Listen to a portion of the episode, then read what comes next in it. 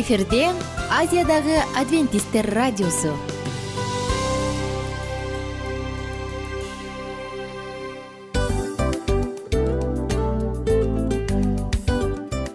Салам достор.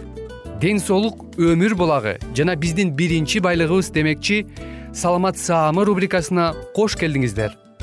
Бир да кишинин ооругусу келбегени айтпаса да түшүнүктүү анткени ооруганда жаныбыз кыйналганы аз келгенсип көп көйгөйлөр жаралышы да ыктымал.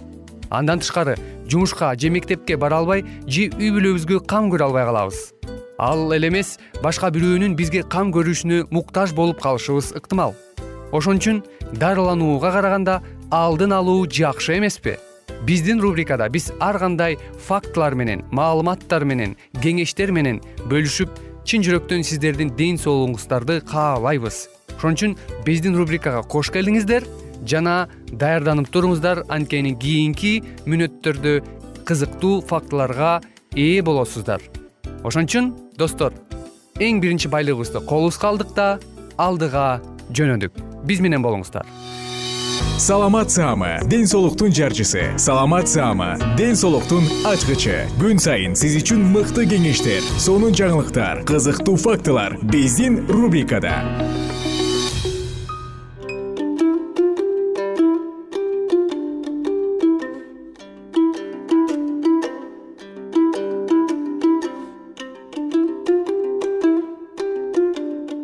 саламатсыздарбы кымбаттуу биздин сүйүктүү угармандарыбыз. Кайрадан эле сиздер тыңдап жаткан бул толкунда ден соолуктун ачкычтары программасында кездешип жатканыбызга өтө кубанычтабыз. Бүгүнкү программабыздын чыгарылышында биз сиздер менен дене тарбия башкача айтканда дене тарбия көнүгүүлөрү туурасында сөз кылмакчыбыз. Андыктан биздин толкундан алыстабай биз менен биргеликте болуңуз. Азыркы кездеги жаштыктын э, символу болуп бул э, дене тарбия булагы болуп эсептелинет эмеспи байыркы заманда суу бул түбөлүк жаштыкты берүүчү сырдуу булакты издеп табууга көптөгөн адамдар аракет кылып келишкен эле. Бирок аны эч ким эч убакта бул жашоодо таба алган эмес. Мезгил өтүп жаштыктын булагы кол жеткис кыялдардын символу болуп гана кала берген. Качандыр бир кезде ушундай болгон. Бүгүн болсо аны илим гана тастыктап көрсөттү. Жана сиз ким болбоңуз аны жашооңузда пайдалана аласыз себеп дегенде мунун кылуунун эч кандай деле көйгөйлөрү жок эмеспи. Болгону сиз эртең менен турганда дене тарбия көнүгүүлөрүн э, күндө жасай турган болсоңуз анда сөзсүз түрдө ден соолугуңузга кам көргөн болот экенсиз байыркы заманда адамдар ар кандай жугуштуу оорулардан күч кубатка толуп турган курактарында өлүшкөн. Бүгүн антибиотиктердин табылышы вакциналарды жасап чыгаруу санитария менен гигиенанын өркүндөшү алар менен ийгиликтүү күрөшүүгө мүмкүндүк берип жатат күрөш дегенеративдик оорулар тарапта оорду азыркы кезде дал ошол илдеттер эмгекке жарактуулуктан эрте ажыратып саламаттыкты бузуп акырындап бирок бизди кыйшаюусуз өлүмгө алып бара жатат. Ошондой эле дене бойдун үзгүлтүксүз кызуу иш аракеттеринин жардамы менен узак жашоого активдүү жана шайыр шатман болууга саламаттыкты чыңдоого жетишкендигибиз мүмкүн экендиги да так аныкталды органдардын жана ткандардын узакка чейин аракетсиз турушу алардын функцияларынын начарларына жана өлчөмүнүн кичирейишине алып барат. Бул булчуңдар менен сөөктөргө эле эмес жүрөккө өпкөгө мээге кан тамырларга мурунга жана койчудеги баардык мүчөлөрүнө тийиштүү. Ушул жерде орустун колдонулбаган темирди дат басат деген макалды эске түшөт. Жашоодогу кыймылдын аздыгы кара жумуштун жоктугу мезгилинен мурда өлүмгө алып баруучу кыска жол ошол экен. Айрым адамдарга ден соолук акыр аягына болуп көрбөгөндөй сыноолорду көтөрүүгө жардам берет. Бирок бүгүн адамдар өмүр жашын эле узарткысы келбестен саламаттыгын эмгекке жөндөмдүүлүгүнүн сактагысы өмүрдү кызык мазмундуу жана жашап өткүсү келет ошондой эле урматтуу угармандарыбыз бул жашоодо ден соолук бул улуу байлык деп коет эмеспи анысы карындай э, өзүңүздүн саламаттыгыңызга кам көрүү биз э, ар бир программада кайталап айткандай эле э, кам көрүү сизге гана мүнөздүү жана сизге гана тиешелүү нерсе экен колдо бар алтындын баркы жок демекчи. Э, колдо болуп турган э, айрым учурда ушул ден соолук чың болуп турган учурда же болбосо э, эч кандай бир оору кабыл элек учурда айрымдарыбыз өтө деле ден соолук үчүн ойлоно деле бербейт эмеспизби себеби дегенде алдын ала ушул ден соолук үчүн кам көрүп кандайдыр бир дене тарбия көнүгүүлөрүн жасоо деген иштерди көз жаздымда дагы калтырып келет эмеспизби андыктан ар бир нерсени өз учурунда баалап барктап жана өзүбүздүн денебиз үчүн жана саламаттыгыбыз үчүн кам көрө турган болсок анда бул өзүбүзгө эле пайда экенин дагы адистер белгилеген экен. Жашоо узак жана кызык болуш үчүн дене бой көнүгүүлөрү кандайча жардам берет деген суроо туулса алар сизди сергектикке алып келет көңүлүңүздү көтөрүңкү жашоо кызык боло баштайт. Күч кубат жыйноонун бул ыкмасы нерв системасына стимуляторлордун колдонуу үчүн мүнөздүү депрессияга жана ал күчтүн кетишине кейиптер кылбайт. Бул эле эмес дене бой көнүгүүлөрүнө көңүлдү көтөрүүчү гормондор. Ошол эле учурда сиздин ден соолугуңузга жакшы таасир этет. Алар жүрөктү чыңдайт кишинин көбү жүрөк кан тамыр ооруларынан өлүп жаткан коомдо бул бөтөнчө маанилүү. Кан басымын жана тынч убагындагы жүрөктүн кысылышына санын кыскартууга жардам берет жана ошону менен жүрөккө жана кан тамырларга келчү күчтү азайтат кандагы саламаттыкка терс таасири бул холестериндин фракциясын төмөндөтүү. Жана ошол эле учурда пайдалуу фракцияны деңгээлин жогорулатуу менен жүрөк кан тамыр ооруларынан коркунучун төмөндөтөт. Сөөк ткандарын бекемдешине жардам берет. Кыймыл аз өмүр өткөрүп келе жаткан элүүдөн ашык адамдарда кальцийдин жана сөөк ткандарынан улам жоголуп бара жаткандыгын байкалат жогоруда эле ушул кесиптешим айтып өткөн факторлордун негизинде дагы ала турган болсок кымбаттуу угармандар ар бирибиздин саламаттыгыбызга кам көрүш үчүн күнүнө э, жок дегенде эле мүмкүн эртең мененки маал болобу же кечки маал болобу өзүңүздүн э, ден соолугуңузду чын эле чыңдагыңыз келсе анда э, күнүнө жарым сааттан башкача айтканда отуз мүнөттөн убакыт бөлүп туруу дагы өтө жакшы өзүнүн жыйынтыгын берет экен. Мисалы ошол эле учурда эгерде э, спорттук кийимиңизди кийип алып э, мүмкүн кечки убакытта сейилдөөгө чыгып э, бир жарым саат убакыт чуркоо же болбосо велосипед тебүү ошол эле маалда балким спорттук бир оюндарды ойноп туруу дагы бул оорунун алдын алганга чоң жардамын берет экен ошондой эле жогоруда айтып өткөндөй эле сиздин саламаттыгыңызды алдын алууда э, ден соолугуңуздун чың болушун кааласаңыз анда сейилдөө дене тарбия көнүгүүлөрүн жасоо ачык абада иштөө э, депрессияны жеңилдетип чыгууга э, жардам берет экен.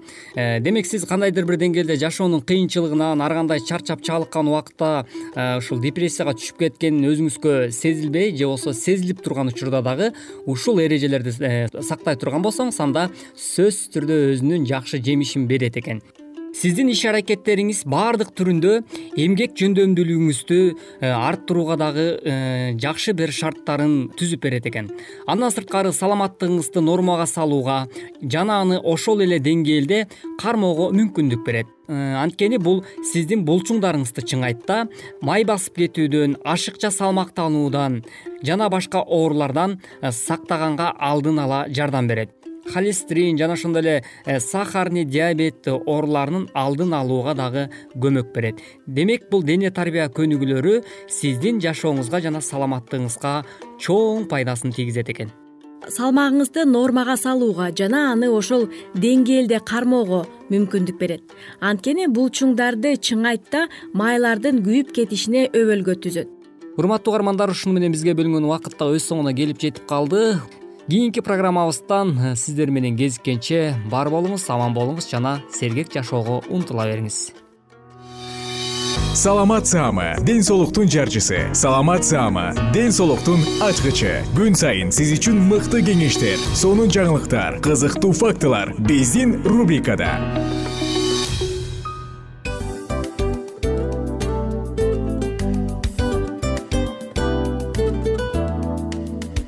салам достор.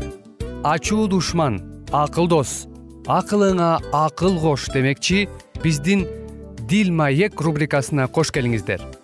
Дил маек программасында ар кандай темаларды козгойбуз. Балдарды өстүрүү аларды тарбиялоо кантип балдарды бактылуу кыла алабыз. Жана кыз жигит ортосундагы мамилелер. Кыз жигит ортосуна кантип нукура таза сүйүүгө жетсе болот бактылуу үй бүлө куруунун кеңештери ар кандай сырлары жеке өсүү жана ар кандай кызыктуу чыгармачыл программаларга арналган рубрикабызга кош келиңиздер. Эмне үчүн дил маек? Анткени дил маек эки адамдын баарлашуусу сырдашуусу. Сизди да биз менен сырдашууга чакырабыз. Анда эмесе кийинки он мүнөттүк убакытта сиздер менен чын жүрөктөн сырдашып баарлашабыз. Даяр болсоңуздар анда кеттик. Ар түрдүү ардактуу кесип ээлеринен алтын сөздөр жүрөк ачышкан сыр чачышкан сонун маек дил маек рубрикасында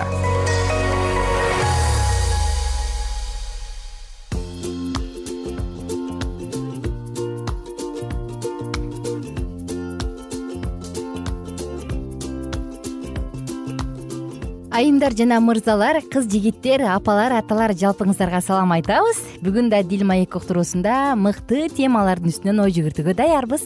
Сүйүшкөндөр сүйүшпөгөндөр сиздерге сүйүү түбөлүктүү теманы тартуулайбыз. Канча сүйүшпөгөндөр сүйүшүп калгыла деп. Э, канча деген повесттер жазылды канча деген ырлар канча деген чыгармалар жазылды э. Айтпа. Мунун баардыгы сүйүүгө арналат. Албетте биздин дил маек программабызда дал ошол сүйүү программасын арнап жатабыз. И темабыздын темабыздын аты бул укмуш жолугушуулардын маанилүүлүгү. Э, свидание свидание эмне керек? Э, свидание эмнеге керек? Анын кандай мааниси бар жакында бир адам бул ыр эмне жөнүндө ырдап атат деп чет элдик адам кыргызча ырдап аткан ырды сурап калып атпайбы? Анан сүйүү жөнүндө дейт да кетип баратып дагы бирөөнөн бул эмне жөнүндө ырдап атат десе сүйүү жөнүндө дейт да. Дагы сураса дагы башка ырда сүйүү жөнүндө да анан ал айтыптыр да ой кыргыздар ушунча сүйүүнү жакшы көрөт экенсиңер э депчи. Сүйүшүп эле жүрө бергиле депчи анысы кандай? Бүгүн жолугушуулардын маанилүүлүгү жөнүндө айтабыз. Бул албетте кыз жигит болуп жүргөн учурда турмуш кура электе никеге чейинки учурда кыз жигит болуп көп эле свиданияга барып калат эмеспи э мына дал ушул нерсенин маанилүүлүгү кандай? Ооба негизи биз айтып кеткенбиз э, свидание десе эле биз баягы кыргыз эли коркпош керек мындан качпаш керек. Жаштарга тескерисинче бар жигит менен жолугуш кыз менен жолугуш э, деп үйрөтүшүбүз керек. Эмне себептен? Бул баягы кинолордон голливудтан америкадан келген нерсе эмес. Бул керектүү эки жаш өспүрүмдүн эки жаштардын ортосунда керектүү нерсе. Бүгүнкү программада биз аны ачып беребиз. Эмне себептен? Кандай себептери бар эмне себептен жолугушууга барыш керек? Же болбосо жолугушуу свиданиялар жакшы. Бул адам өзүн өзү өстүрүп өзү мындай алдыга карай умтулуп өсөт дейт да. Ар бир э, ар бир жолугушуунун өзүнүн бир мүнөздөмөсү бар эмеспи. Анан ар бир адамда мен ушул мүнөзүмдү же мен ушул нерсемди өзгөрткүм келет деп ойлойт экенбиз да. Ал эми өзүбүз менен тең курдаш болгон адам менен жолугушуу албетте башка жыныстагы мырза менен кыздар же болбосо мырзалар менен айымдар алар менен жолугушуу бизге эмне жакпай турат? Бизде эмне туура эмес ошону түшүнгөнгө жардам берет дешет. Дагы бир свиданиянын дагы бир максаты бул эки жаш эркек жана кыз бири бирин изилдегенге жана э, башка жынысты кабыл алганды үйрөнгөнгө дейт. Э, мен муну түшүндүрүп берейин эмнени билдирет экен көрсө свиданиялер абдан керек экен э, эркектер кыздардын табиятын билиш үчүн алардын кыялын алардын көз карашын алардын негизи эле табиятын жакшы түшүнүш үчүн. Э, ошол эле убакта кыздар дагы эркектер кандай экенин түшүнүш үчүн бул абдан керектүү экен. Кызыктуу бир неме изилдөө бар. Көрсө эркек жигит он тогуз жашына жок дегенде он эки кызды э, немечү керек экен баягы ухаживать этип э, кам көрүүдөн баш өткөрүш керек экен. Мына ошондо ал баягы жигит кыздын немесин билип калат экен да? Ал жардам берет. деги эле кыз кандай э? Көбүнчө баягы дал ушул өспүрүм куракы убакта айтып калышат го. Деги силер кандай адамсыңар кыздар такыр түшүнбөйм силерди деп. Менин кичүү иним көп айтып калат да аяже ушу кыздарды түшүнбөйм мен дейт силер кандайсыңар? Силер бул да жакпайт ал да жакпайт. Эмне экенин түшүнбөйм депчи анан мен тамашалап калам да ар биринин өзүнүн мүнөзү бар депчи анысы кандай? Кээде таптакыр билбей туруп ала качып алганда никеге туруп калганда мырзаны өмүр бою түшүнө албай келген учурлар көп. Аял заты кыйналып мен ушул адамды такыр түшүнбөйм. Мени сүйбөйт дейт. Же болбосо эрте үйлөнүп алган мырза биринчи жолу эле кыз менен сүйлөшүп көрүп үйлөнүп калган мырза бул кандай адам билбейм түшүнбөйм таптакыр деп көңүлү кала баштайт экен да мына ошондуктан бул эми жолугушуулар деген интимдик жөнүндө сөз болгон жок. Бул жөн гана адамды психологиялык жактан билип деги эле аял заты бул кандай? Чогуу мырзалар кандай деп чогуу өткөргөн жөнүндө сөз болуп аткан чак э? Дагы бир максаты свиданиянын. Бул эң таза эң туура эң назик сезимдердин бири сүйүүнүн даамын татуу дейт. Көрсө свиданиялер чындыгында баягы сүйүшүп күйүшүп дегендер бул дагы өзүнүн орду бар чындыгында свиданияден биз сүйүүнүн даамын татабыз. Эмне бул сезимдерге батуу деген эмне адамдан ажыроо деген эмне ырахат алуу деген эмне баягы биздин ар бир адам өзүнүн сезимдери бар. Биз ушундай жаралганбыз. Ооба. Ошон үчүн бул дагы бир мүмкүнчүлүк ошол сезимдердин э, баштан өткөрүү дейт дагы бир нерсе бул эс алуу күндөрдөгү көйгөйлөрдү чечүүгө жардам берет экен адамды баардык эле адамды э баягы коендой окшош күндөр монотондуу жумуш көңүл ачуулардын жоктугу ар бир адамды басып коет. Бул баарыбызга эле маалым. Керек болсо бул кийин үй бүлөлүк жашоодо деле бул нерселер болот мына ошондуктан жолугушууларда чыгармачылык жактан аракет кылып ага бир башкача мамиле кылып жолугушууга башкача мамиле кылып аны бир өзгөчө көңүл ачып сизге жаккан адам менен бирге убакыт өткөрсөңүз ой бул кандай гана бакыт. Мына ошондуктан э, эс алуу күндөрдү дагы аны кызыктуу өткөрүш үчүн романтикалык өткөрүш үчүн. өзүңүздүн жашооңузду кооздош үчүн дагы э, жолугушуулар керек. Ай ушул жерге бир сонун романтикалык музыканы салыш керек экен да.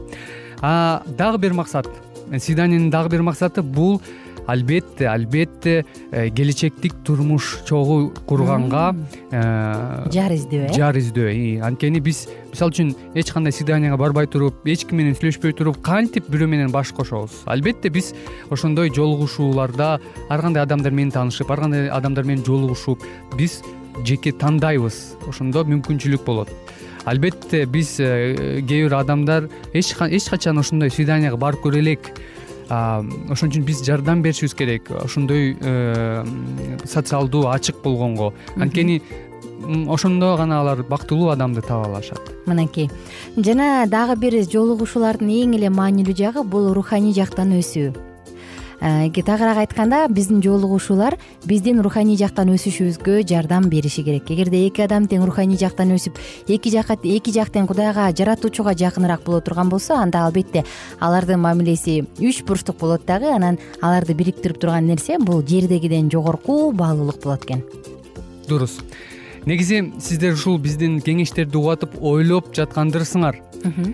Ии менин акыркы жолу свиданиям качан болду эле? Качан болду эле э, эми биз бул азыр албетте бул бүгүнкү программанын алкагында биз жаштар жөнүндө гана сүйлөшүп жатабыз. Үйлөнө элек э, үй бүлө кура элек бирок ушул мүмкүнчүлүк менен пайдаланып мен үй бүлө кургандарга дагы эгерде азыр угуп жатсаңыздар свиданиялер баш кошушкандан кийин жоголбош керек а тескерисинче көбөйүш керек дейт. Ооба. Элестеткиле. То есть биз баш кошуп чогуу жашагандан кийин болду эми чогуу жашап атабыз да унутуп калдык деген болбош керек. Тескерисинче жада калса бала пайда болобу э, эки үчөө болобу сөзсүз түрдө аял күйөөсү бири бирине жок дегенде бир айда бир жолу өлдү дегенде бир жолу свидание уюштуруш керек. Албетте свидание десе эле миллион доллардык ресторанга барып тияк бияк акча э, чачуу эмес. Жок ошол романтикалык свидание жөн эле паркка жолугушуп бир бал муздак жегиле чогуу бир киного баргыла чогуу бир э, билбейм велосипед тепкиле ооба. бир иши бир нерсе менен алектенип э чогуу көңүл ачып себеп дегенде үй бүлөлүк э, жарларга дагы свидание бул абдан керек. Жаштарга керек албетте бирок үйлөнгөндөн кийин свидание эки эсе көп болуш керек дейт окумуштуулар. Элестетип көр мику эки жаш сүйлөшүп жүрүп мырза болушунча көңүл буруп айымдын көңүлүн ачып болгон убактысын буруп ошентип келет эле анан үйлөнгөндөн кийин эле аны унуткартырып койсо э, э. Келинчеги биз негизи аял заты кулак менен сүйөт деп коет го анысы кандай аял ойлоно баштайт да мени сүйбөй калган турбайбы мындай болуп калган турбайбы депчи. Ооба. Мына ушундай нерселер болбош үчүн эгерде айым үйдө отуруп калса анда аны көчөгө бир жака чакырып атайын убакыт бөлүп жетелешип басып мурдагы жаш кездерди эстеп койгон ашыктык кылбайт. Албетте ал эмес бул мамилени ого тербекем дейт ооба. Ошон үчүн свидание деген өзү жакшы нерсе. Жаштарга дагы үйлөнө электерге дагы үйлөнгөндөргө тем более ошон үчүн свидание менен албетте туура пайдалануу керек. Биз азыр үйлөнө электерге кайрылат элек свидание десе эле шир эле баягы кумардануу баягы эми терс терс көрүнүштөр жөнүндө кеп кылган жокпуз. Буну алар болбош керек э? болбош керек анткени баягы эми кумарданууга берилип ачыгын айтканда төшөккө жаткан убакыт болсо келечекте үй бүлөлүк жашоодо алардын бактысы төмөндөйт экен. Бул ошондой изилдөөлөр бар экен. Ошон үчүн свидание деген бул өзү баягы чеберчи устакана жер дейт да. Биз ал жерден сүйүүбүздүн сүйгөнгө үйрөнөбүз адамды изилдегенди үйрөнөбүз жана келечекке даярданабыз ошон үчүн свидание абдан керектүү. Бир уктурубузда э, жолугушуулардын свиданиянын дал ушул этаптарын айтпадык беле. Эң биринчиси достуктан башталат деп. Анысы кандай? Ошол достукту бекем кура турган болсо анда кийин жубайлар чет жактан дос издебей өзүнүн жарымынан таап калат экен. Достор убактыбыз тар соңуна чыгарабыз. Жалпыңыздар менен кайрадан амандашканча сак саламатта калыңыздар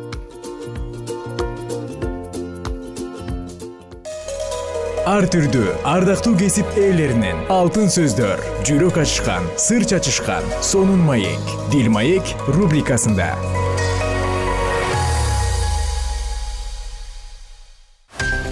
Жан дүйнөңдү байыткан жүрөгүңдү азыктанткан жашооңо маңыз тартуулаган жан азык рубрикасы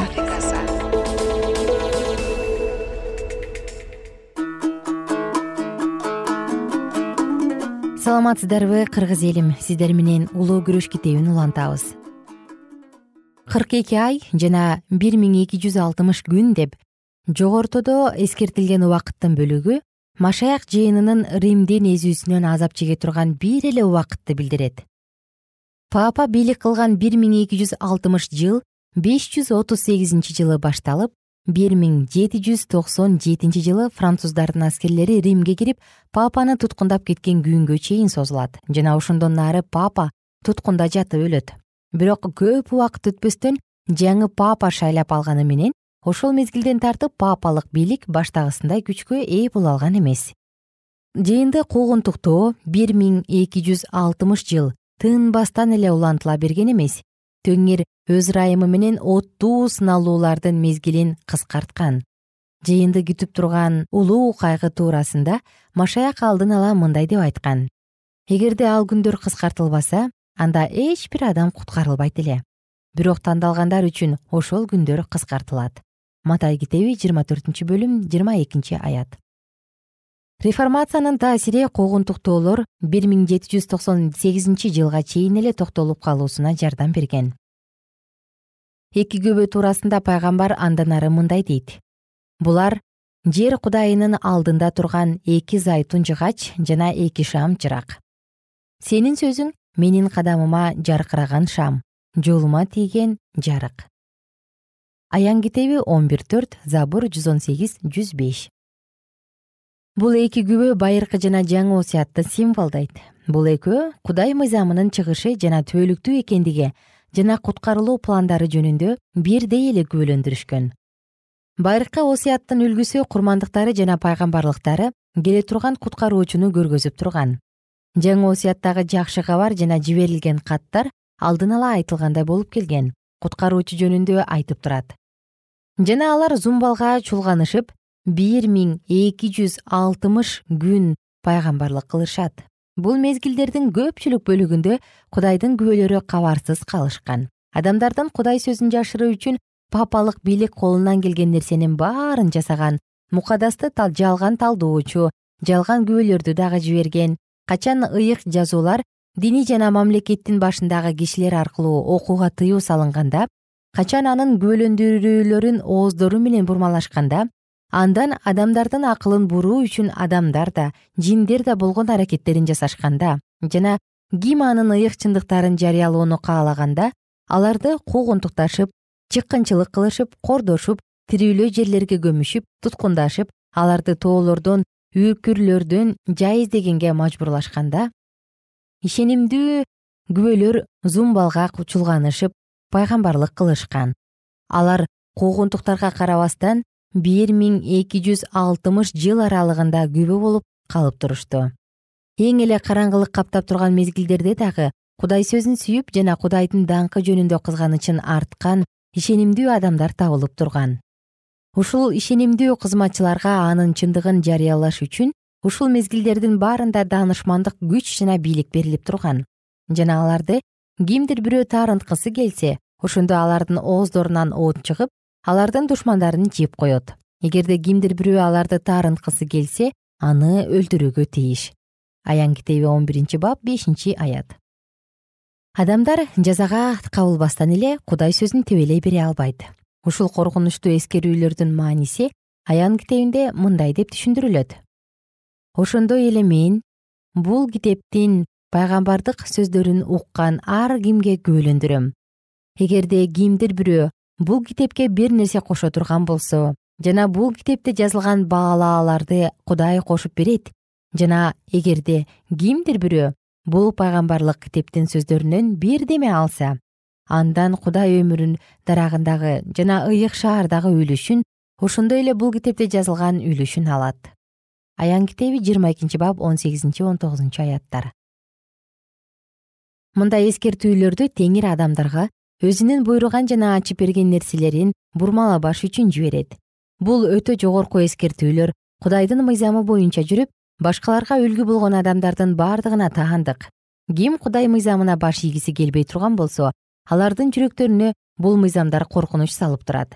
Ким өз оюн кудайдын аяндарынан жогору кое турган болсо ким ыйык жазуулардын маанилерин өз кызыкчылыгына карата пайдаланса бул дүйнөгө биригип кетсе өздөрүнө коркунучтуу жоопкерчилик алышат жазылган кудай мыйзамы ар бир адам үчүн тараза болуп эсептелет жана бул жеткилең мыйзамга ким шайкеш келе албай турган болсо алар ушул мыйзам алдында айыпталат.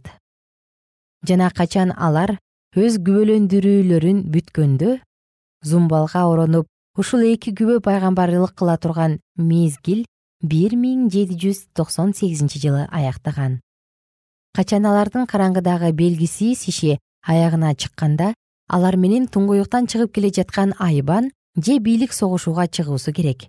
Европанын көптөгөн мамлекеттеринде диний башкаруучулар менен бирдикте мамлекет бийликтери көп кылымдар аралыгында папа аркылуу аракеттенген шайтандын жетегинде болушкан. Бирок бул жерден биз шайтандын күчү башкача көрүнгөндүгүн көрөбүз. Римдин саясаты мукадаска жакшы мамиле кылып жаткан сыяктуу чүмбөт жамынып жана аны адамдар түшүнө албаган башка тилде кулпулап таштамак. Жана ушундай жол менен адамдардан аны жашырып салуу керек эле. Жана рим башкарып турган мезгилде дагы кудайдын күбөлөрү зумбалга оронушуп пайгамбарлык кылышкан. Бирок дагы башка бийлик пайда болуусу керек эле. Туңгуюктан чыгып келе жаткан айбан жана ал кудай сөзүнө каршы ачык күрөш жүргүзмөк бул күбөлөр өлтүрүлгөн жана алардын өлгөн же денелери жаткан улуу шаар руханий түшүнүк боюнча египет деп аталат. Мукадаста келтирилген мамлекеттердин ичинде египет тирүү кудайдын бар экендигинен башкаларга караганда ороюраак баш тарткан жана анын буйруктарына каршылык көргөзгөн. Бир дагы башкаруучу египеттин башкаруучусу сыяктанып асманга карата тикеден тике каршылык көргөзгөн эмес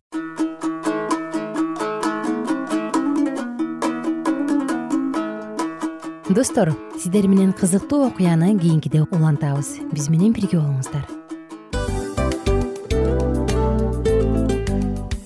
Достор биздин радио баракчаларыбыз соңуна келди. Демек бул программабызды дагы жыйынтыктачу учур келдик. Учурга келдик. Анан кесиптешимден сурагым келип турат. Негизи эле иштин башталып атканы кубандырабы сени же жыйынтыгы кубандырабы албетте жыйынтыгы. Себеп дегенде сен кылган ишиңдин жыйынтыгын көрүп э, баягы мөмөсүн көрүп дегендей жыргайсың. Жүрөгүң жемишинен татып э? Кандай даамдуу деп. Баягы буудай сепкенде эмес буудайды эгинди жыйнагандан кийин ысык нанды жегенде кадимкидей ырахаттанасың го. Ой айтпа туура айта кеттиңиз. Сонун салыштыруу болду. Анан мен дагы абдан кубанып турам. Анткени биз угармандарыбыз үчүн аябай эмгектенип келген уктуруубуздун соңуна келип калдык анан эми уктуруубуздун соңунда угармандар кандай пайда алып калды экен деп күтүп турам да. Балким э, менин жашоомо өзгөрүү киргизе турган сонун сөздөр болду.